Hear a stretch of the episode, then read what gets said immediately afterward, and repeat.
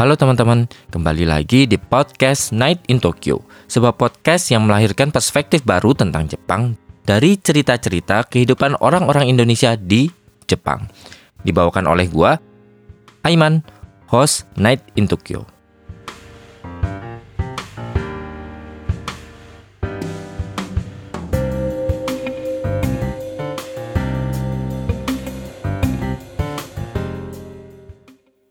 Halo teman-teman, kembali lagi dengan gua Iman di Night in Tokyo.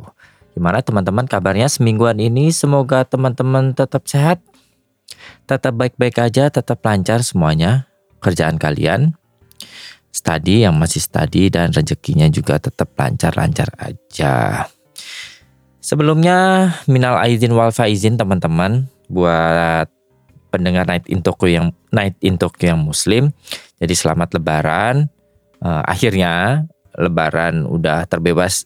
Nggak nggak bebas juga sih ya kayaknya maksudnya kalian udah bisa menikmati setidaknya sedikit lebih normal daripada beberapa beberapa tahun lalu ketika masih covid.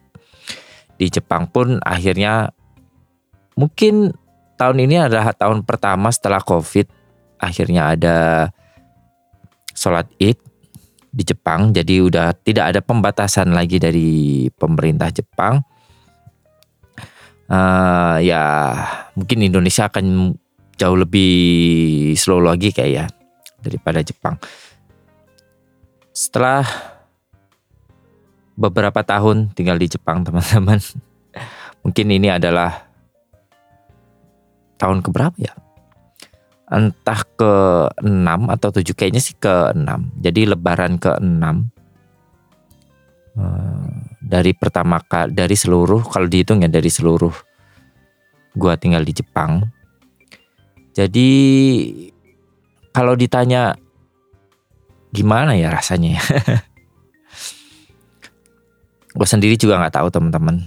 Jadi mungkin ini udah tahun ke-6 gue nggak pernah merasakan Lebaran uh, yang seperti halnya kita uh, alami di Indonesia gitu kan, apalagi Ramadan dan lain-lain gitu loh. Tapi ya ujung-ujungnya ya di Jepang ya gini-gini aja gitu loh, karena memang kita bukan mayoritas Muslim dan ya nggak ada sih vibe ketika kayak kalau kayak kita di Indonesia itu tiap malam ada taraweh dan lain-lain gitu. Nah di Jepang sih relatif nggak ada ya. Mungkin uh, ada tapi kan kita harus ke masjid gitu loh. Jadi nggak yang di sekitar kita gitu loh. Uh, apa tetangga-tetangga kita itu nggak ada. Jadi nggak ada juga ribut-ribut sahur dan lain-lain gitu juga nggak ada teman-teman di Jepang. Jadi kalau tanya uh, kalau teman-teman pengen tahu gimana rasanya setelah beberapa tahun tinggal di Jepang terus melaksanakan Ramadan atau puasa di Jepang ya gitu aja sih teman-teman. Uh, yang jelas puasa normal. Gitu. Tahun ini uh, sayang sekali gue kayaknya bolong empat atau tiga ya? Tiga deh kayak. Atau empat ya? Karena karena beberapa minggu lalu tiba-tiba gue demam. Udah panik aja tuh sebenarnya. Apakah kena covid lagi gitu? Terus ke rumah sakit dicek di swab ya di swab gitu. Ya pokoknya dikituin uh, apakah covid dua kali lagi diceknya COVID atau enggak influenza karena di Jepang tuh uh, ada influenza juga teman-teman kalau buat teman-teman yang nggak tahu. Jadi dicek dua-duanya, uh, terus sempat ronsen juga, jadi di ronsen juga normal paru-parunya, nggak ada indikasi apa pun. Uh, hasil COVID-nya juga negatif dan influenza-nya juga negatif. Ya mungkin kayak drop dikit kali ya. Uh, kayak gitu. Jadi ya Ramadan kali ini sama seperti Ramadan sebelum sebelum sebelum sebelumnya di Jepang. Sambil kerja ya semuanya pada makan kita enggak gitu meskipun nggak ada yang meskipun nggak dilarang sih sebenarnya karena kantor gue juga uh, kerja di kantor gitu. Mungkin kalau teman-teman yang di Jepang itu kerjanya gemba kan mungkin akan lebih lebih menantang ya lebih susah karena dia harus bekerja. Ya kan di di Islam sendiri pun ada pengecualian kan. Kalau orang yang kerjanya di Gemba kalau Gemba tuh apa ya kayak kuli pekerja keras kayak gitu-gitu. Nah di Jepang kan juga banyak tuh teman-teman Indonesia yang kerja di bidang itu. Mungkin mereka akan lebih sulit kali ya buat puasa entah mengganti puasa atau membayar fidyah gitu kalau nggak salah itu ya yang jelas di tempat gue sih ya aman-aman aja gue masih bisa puasa dengan normal memang ya bilang aja sih ke orang-orang kalau kalau jadi kan biasanya standarnya uh, kita dapat lunch kan. Jadi istirahat sejam. Dari 9 jam istirahat sejam. Karena di siang gue juga nggak bisa makan. Jadi biasanya sih ini kayaknya udah tahun ketiga atau tahun kedua gue kerja di situ. Gue melaksanakan puasa juga. Jadi biasanya jam istirahat masang hmm, makan siang itu gue pindahkan ke bukanya teman-teman. Jadi sekitar jam 6 gitu gue istirahat sejam buat makan dan lain-lain. Kayak gitu. Jadi ya mereka cukup fine-fine aja gitu. Uh, cukup ber, beradaptasi juga dengan gua. Mungkin menjadi pembelajaran juga kali ya buat mereka ketika suatu saat yang masuk itu nanti akhirnya ada orang muslim juga gitu mereka udah tahu harus ngapain dan lain-lain gitu ya yang jelas puasa normal tahun ini udah ada sholat id juga sayangnya kayaknya tahun ini KBRI nggak open house berarti ini adalah tahun ketiga ah, eh, tahun ketiga buat KBRI nggak open house teman-teman biasanya ya eh, sebelum covid itu orang Indonesia tuh kebanyakan sholat itu di daerah sekolah Republik Distrik Sekolah Republik Indonesia Tokyo. Setelah itu karena rumah kedubes itu atau kedutaan itu dekat dari street, nggak dekat juga sih, tapi ya masih dalam satu daerah gitu loh. Orang-orang tuh setelah sholat id biasanya langsung berbondong-bondong datang ke KBRI. Untuk apa? Untuk makan-makan teman-teman. Jadi mungkin teman-teman yang udah lama nggak mencoba makanan lebaran, ya datang ke sana buat makan lebaran gitu. Tapi yang jelas sih kayaknya kalau dilihat dari Instagram teman-teman gitu, terus uh, Instagram orang-orang Indonesia yang ada di Jepang, nggak cuma Tokyo ya, di Jepang. Ya biasanya mereka ngumpul, ngumpul-ngumpul di rumah salah satu teman mereka gitu, yang biasanya masak buat Lebaran. Nah itu biasanya ada tuh kayak gitu di Indonesia. Jadi ya suasana Lebaran yang masih sama kayak di Indonesia ya acara makan-makan bareng teman-temannya sih teman-teman. Jadi ya itu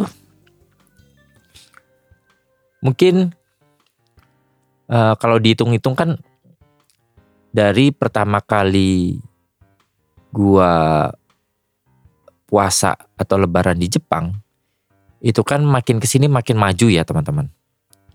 Mungkin suatu saat puasa dan lebaran akan jatuh di bulan di mana kita bisa libur bareng. Kalau di, kalau di Jepang kan libur paling panjang itu biasa antara summer atau uh, ini teman-teman apa tahun baru. Nah ini kan makin lama makin maju gitu teman-teman. Ya kita lihat apakah antara akhirnya maju bertepatan dengan liburan tahun baru. Ya kemungkinan gue bakal bisa merayakan lebaran di Indonesia ketika saatnya waktu itu teman-teman. Jadi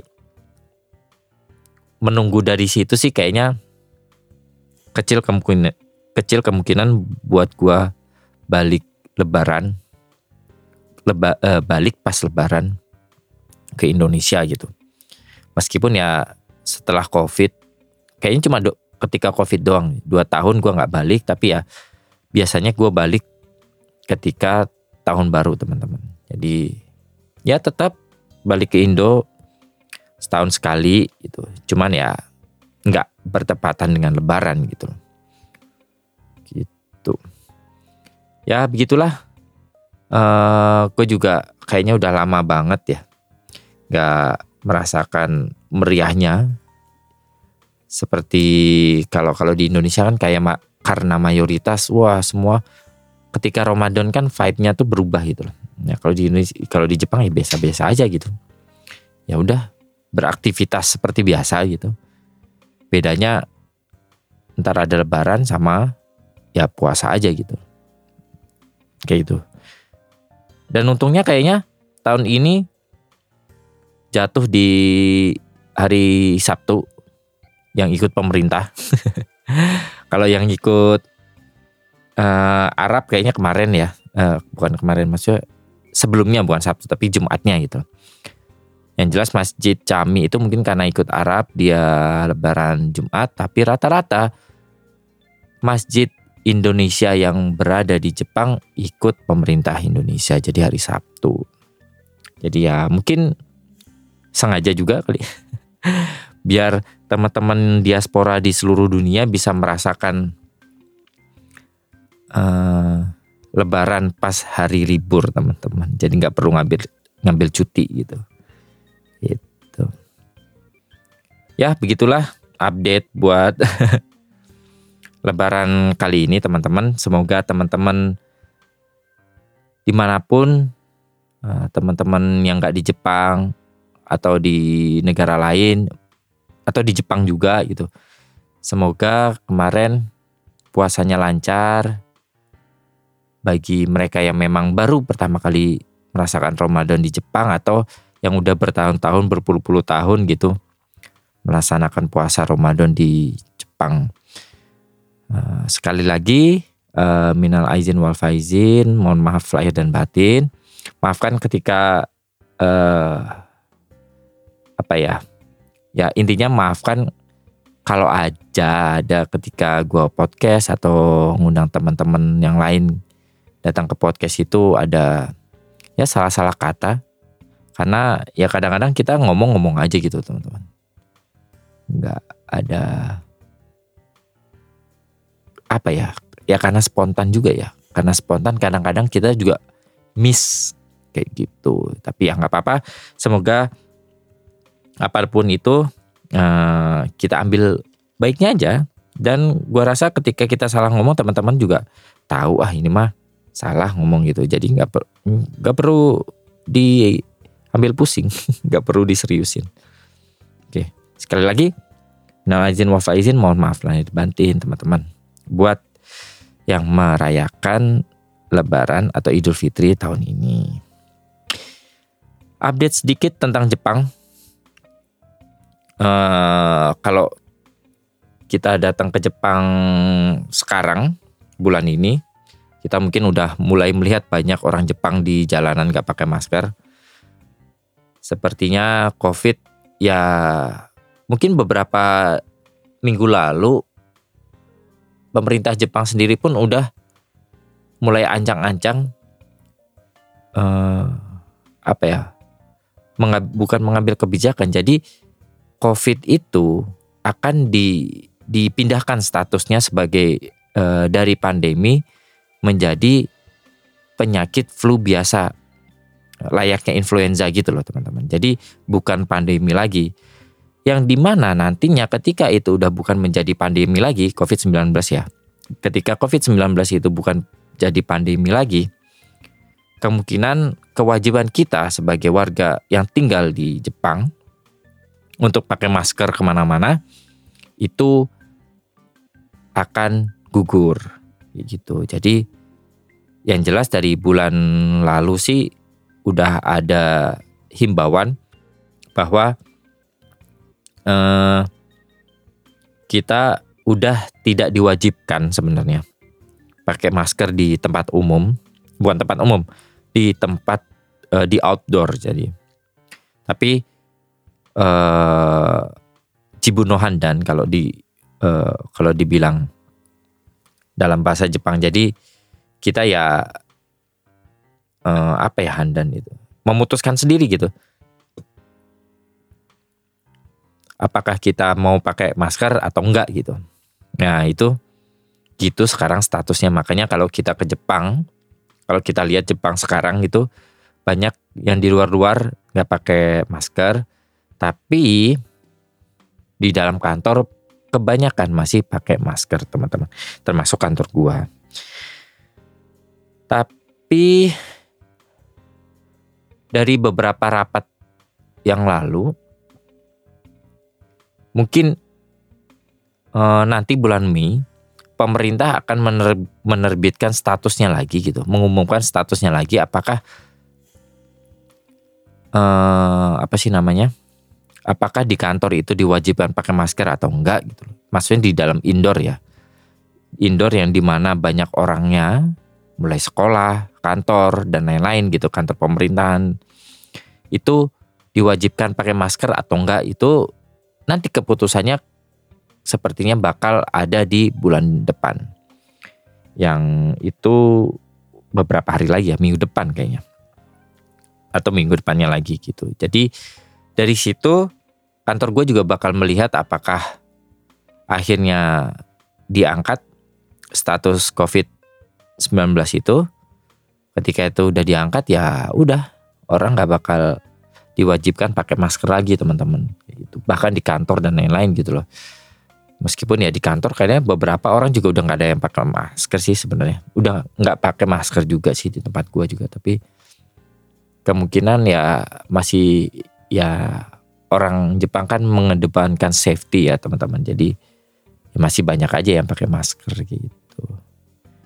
Itu dan ketika nanti bulan depan itu seperti apa jadinya dan diangkat statusnya COVID-19 itu menjadi penyakit biasa yang artinya ketika setelah pengumuman itu kita kena COVID itu tidak menjadi tanggung eh, tidak menjadi 100% tanggungan pemerintah Jepang, teman-teman.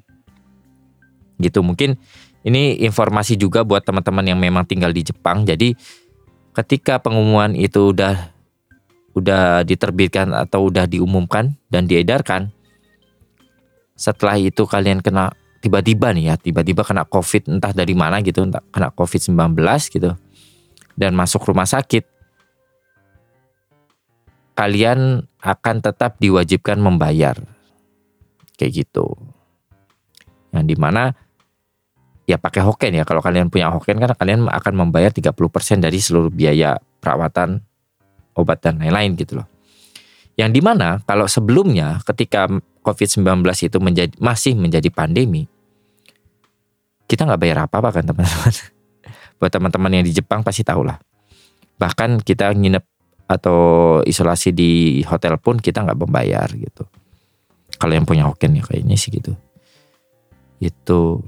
Terus kalaupun apa isolasi mandiri di rumah ada makanan datang gitu. Sepertinya ketika itu udah diangkat dan dirubah statusnya menjadi penyakit biasa, ya seluruh tanggungan itu akan kembali lagi ke kita gitu. Udah bukan tanggungan pemerintah Jepang lagi 100%. Itu. Tapi ya ketika itu udah diumumkan ya kita udah nggak perlu pakai masker lagi teman-teman. Tapi ya ya jaga kesehatan kalian teman-teman yang memang tinggal di Jepang dan ya nggak cuma teman-teman di Jepang juga ya. Teman-teman yang di belahan dunia lain pun yang mendengarkan podcast ini jaga-jaga jaga-jaga kesehatan meskipun akhirnya kita setelah dua tahun terlepas dari covid ya kita bisa menjalani hidup dengan normal lagi. Meskipun nggak bakal balik ke normal lagi ya kayaknya ya. Di kantor gua pun karena terus masukin orang ketika dua tahun uh, masa covid dan kantornya masih segitu segitu aja gitu. Kayaknya kapasitas pegawai di kantor gua itu udah jauh lebih banyak daripada tempat yang ada gitu loh. Jadi ya memang kantor gua akhirnya mengeluarkan kebijakan bahwa lu bisa WFH atau lu datang ke kantor gitu loh. Jadi itu pilihan yang diberikan oleh mereka gitu. Jadi kita bisa memilih mau datang ke kantor tiap hari atau uh, kerja di rumah. Atau ada beberapa teman gua itu dia datang misalkan cuma Selasa sama Kamis kayak gitu juga bisa. Jadi ya dibilang balik ke normal nggak juga sih kayaknya. New normal akan terus berlanjut gitu. Meskipun nggak semua perusahaan menerapkan yang sama ya kayak ada yang akhirnya menarik kembali seluruh pegawainya datang ke kantor, ada yang terus ya udah yang mau ke kantor silahkan, yang mau si, uh, kerja dari rumah silahkan kayak gitu. Tapi ya itulah uh, update terkini tentang sejauh mana COVID-19 ini di Jepang gitu. Dan ya kita mungkin patut bersyukur lah ya. Sepertinya kemungkinan besar sih bulan depan status itu akan diangkat dan kita bisa beraktivitas kembali secara normal di Jepang tanpa masker. Gitu. Terus ada uh, ini cukup mengagetkan juga ya teman-teman. Memang mungkin ya namanya ketika orang Indonesia itu udah banyak datang ke Jepang pun ya kita nggak bisa mengkontrol semuanya juga ya teman-teman. Jadi beberapa ta beberapa hari atau minggu yang lalu itu tiba-tiba tiba-tiba ada kejadian mengejutkan teman-teman yang melibatkan orang Indonesia yang tinggal di Jepang. Jadi dari sebuah berita ada tiga orang Indonesia ditangkap. Udah ditangkap atau belum ya? Sepertinya udah deh. Ditangkap karena terbuk atau belum terbukti ya intinya ada satu orang Indonesia meninggal, mati, dibunuh oleh tiga orang Indonesia lainnya teman-teman. Gue lupa sebenarnya eh, tepatnya di daerah atau kota mana gitu. Mungkin kalian teman-teman bisa cari sendiri ya beritanya, karena itu cukup heboh beritanya. Berita tentang orang eh, berita yang melibatkan orang Indonesia tinggal di Jepang. Jadi itu masih uh, masih hangat-hangatnya, masih baru-barunya. Jadi mungkin teman-teman bisa cari sendiri detailnya seperti apa itu. Kayaknya banyak deh di internet.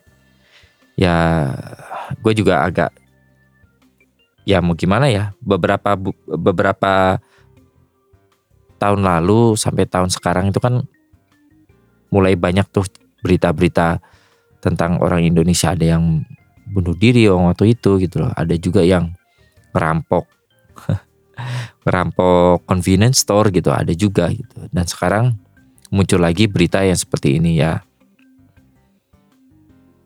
Kita memang nggak bisa mengontrol semuanya sih sebenarnya teman-teman. Tapi ya, ya intinya jadi orang baik aja lah teman-teman. Di mana pun kalian berada ya, nggak cuma di Jepang gitu loh. Mungkin teman-teman yang di Indonesia pun harusnya sama juga gitu loh. Jadi orang baik aja lah gitulah teman-teman. Gak usah aneh-aneh. Ya mungkin dua berita itu atau dua hal itu menjadi topik uh, utama kita ngobrolin di podcast ini dan sekaligus menjadi update seperti apa sih kondisi Jepang uh, saat ini. Yang intinya orang udah mulai berdatangan ke Jepang lagi. Seperti yang teman-teman tahu uh, seperti yang teman-teman ketahui juga kan teman-teman udah mulai banyak kan yang jalan-jalan. Akhirnya jalan-jalan ke Jepang ya selamat menikmati Jepang teman-teman. Jadi jangan lupa negara orang. Jadi ya patuhilah dan hormati uh, budaya atau peraturan yang memang berlaku di negara itu. Mungkin gak cuma Jepang doang ya. Kalian kan pasti gak suka juga ya ketika boleh datang ke Indonesia terus tidak mematuhi peraturan yang berlaku di Indonesia. Ya sama halnya begitu kalau datang ke Jepang taati peraturan juga teman-teman. Uh, selanjutnya uh, mungkin teman-teman ada yang memperhatikan, ada yang udah uh, ngikutin di Instagram Night in Tokyo. Jadi gue ingin memperkenalkan empat masa teman-teman. Jadi empat masa itu seperti apa? Maksudnya apa ya empat masa itu? Jadi empat masa ini adalah sebuah proyek kolaborasi uh, dari gua bareng teman-teman yang lain yang konten kreator juga orang Indonesia yang di mana kita men, untuk untuk saat ini sih kita akan membuat sebuah konten ya teman-teman. Gua nggak tahu apakah ke depannya akan menjadi sebuah platform yang lebih besar, gua nggak tahu. Tapi yang jelas kita akan memulai membuat konten yang berkaitan tentang Jepang teman-teman. Jadi ya konten hiburan mungkin teman-teman akan suka uh, akan tahu banyak juga gitu ketika ngikutin konten-konten kita. Jadi uh, nggak nggak sepenuhnya berhubungan langsung dengan Night in Tokyo, tapi ini adalah project bareng-bareng, project baru yang gue buat bareng teman-teman dengan nama empat masa. Jadi kenapa empat masa? Karena kita tinggal di negara empat musim, teman-teman. Dari situ cerita cerita dari uh, namanya. Jadi mohon di follow teman-teman Instagram empat masa. Nanti gua nanti gua taruh juga Eh, link Instagram 4 masa di sana. Nanti silahkan diikuti dan ditunggu gimana perkembangannya nanti uh, konten apa dulu yang bakal keluar gitu. Yang jelas kita udah mencoba membuat beberapa konten buat kalian teman-teman. Entah kalian yang di Jepang atau di Indonesia atau di seluruh uh, penjuru dunia lainnya. Kayak gitu, pantengin pantengin aja di Instagram 4 masa. Uh, teman-teman kan mungkin yang ngikutin Instagram Night in Tokyo udah sempet lihat lah beberapa kali kita. Kayaknya ada ada syuting tertentu gitu loh kita bikin video tertentu gitu. Tapi kok kayaknya nggak ada nggak nggak tahu nih outputnya apa ya jadinya apa. Nah, nah nanti silahkan tunggu di empat masa teman-teman. Di follow ya di Instagram 4 masa. Nanti akan uh, akan ada informasi lebih lanjut lah pokoknya di Instagram itu. Jadi di follow teman-teman 4 masa. Oke. Oke mungkin segitu aja update uh, buat hari ini. Uh, update tentang Jepang tentang Night in Tokyo juga, sedikit tentang Lebaran juga, dan tentunya update tentang project-project yang bakal gua buat bareng teman-teman ke depannya teman-teman. Jadi uh, ya ikutin aja. Semoga bisa menghibur kalian, semoga bisa menjadi lebih tahu tentang Jepang dari seluruh konten atau podcast yang gua buat secara pribadi atau bareng teman-teman nantinya. Oke, sekian dulu buat episode kali ini, teman-teman. Terima kasih udah tetap setia dengerin. Jangan lupa uh, follow juga Instagram Night in Tokyo di night.in.tokyo karena di sana seperti biasa seperti biasa gue bakal berbagi informasi yang berkaitan tentang podcast ini atau hal-hal yang berkaitan tentang Jepang teman-teman atau project yang uh, gue buat juga gitu. Jadi follow juga Instagram di night.in.tokyo dan teman-teman bisa juga kunjungi langsung di website www.nightintokyo.com karena di sana ada blog yang gue tulis, ada foto-foto jalan-jalan juga dan tentunya teman-teman bisa dengerin seluruh podcast mulai dari yang paling awal sampai yang paling baru sekarang semuanya ada di www.nightintokyo.com. Oke, sekian buat uh, oh oh ya. Jangan lupa juga teman-teman yang dengerin di Spotify di follow yang dengerin di Spotify di follow di rate juga teman-teman biar podcastnya naik juga ya nggak usah nggak usah bagus-bagus tapi ya jangan jelek juga ya yang yang penting di follow di rate terus teman-teman yang dengerin juga di noise gue uh, beberapa hari lalu ngecek ya teman-teman di uh, eh, gue udah lama nggak ngecek account noise gue gitu. Rupanya di noise cukup rame juga apalagi episode yang si Mr. X itu. Emang ya kalian itu ngomongin begituan cepat ya. Ya apa pun itu silakan yang memang teman-teman dengerin Night in Tokyo itu di Noise di follow juga. Ya di komen-komen silahkan karena di Noise kayaknya enak ya buat ngekomenin episode dan lain-lain. Bisa tanya-tanya juga di sana. Ya apa pun itu tetap follow Night in Tokyo dan dukung Night in Tokyo teman-teman. Oke terima kasih. Udah tetap setia dengerin Night in Tokyo. Uh, sekian dulu dari gua. Selamat malam selamat beristirahat dan selamat menjalani aktivitasnya kembali besok di hari Senin atau apa pun itu atau kapan pun kalian dengerin podcast ini oke sekian dulu dari gua Sampai jumpa lagi di episode Night in Tokyo selanjutnya. Bye bye.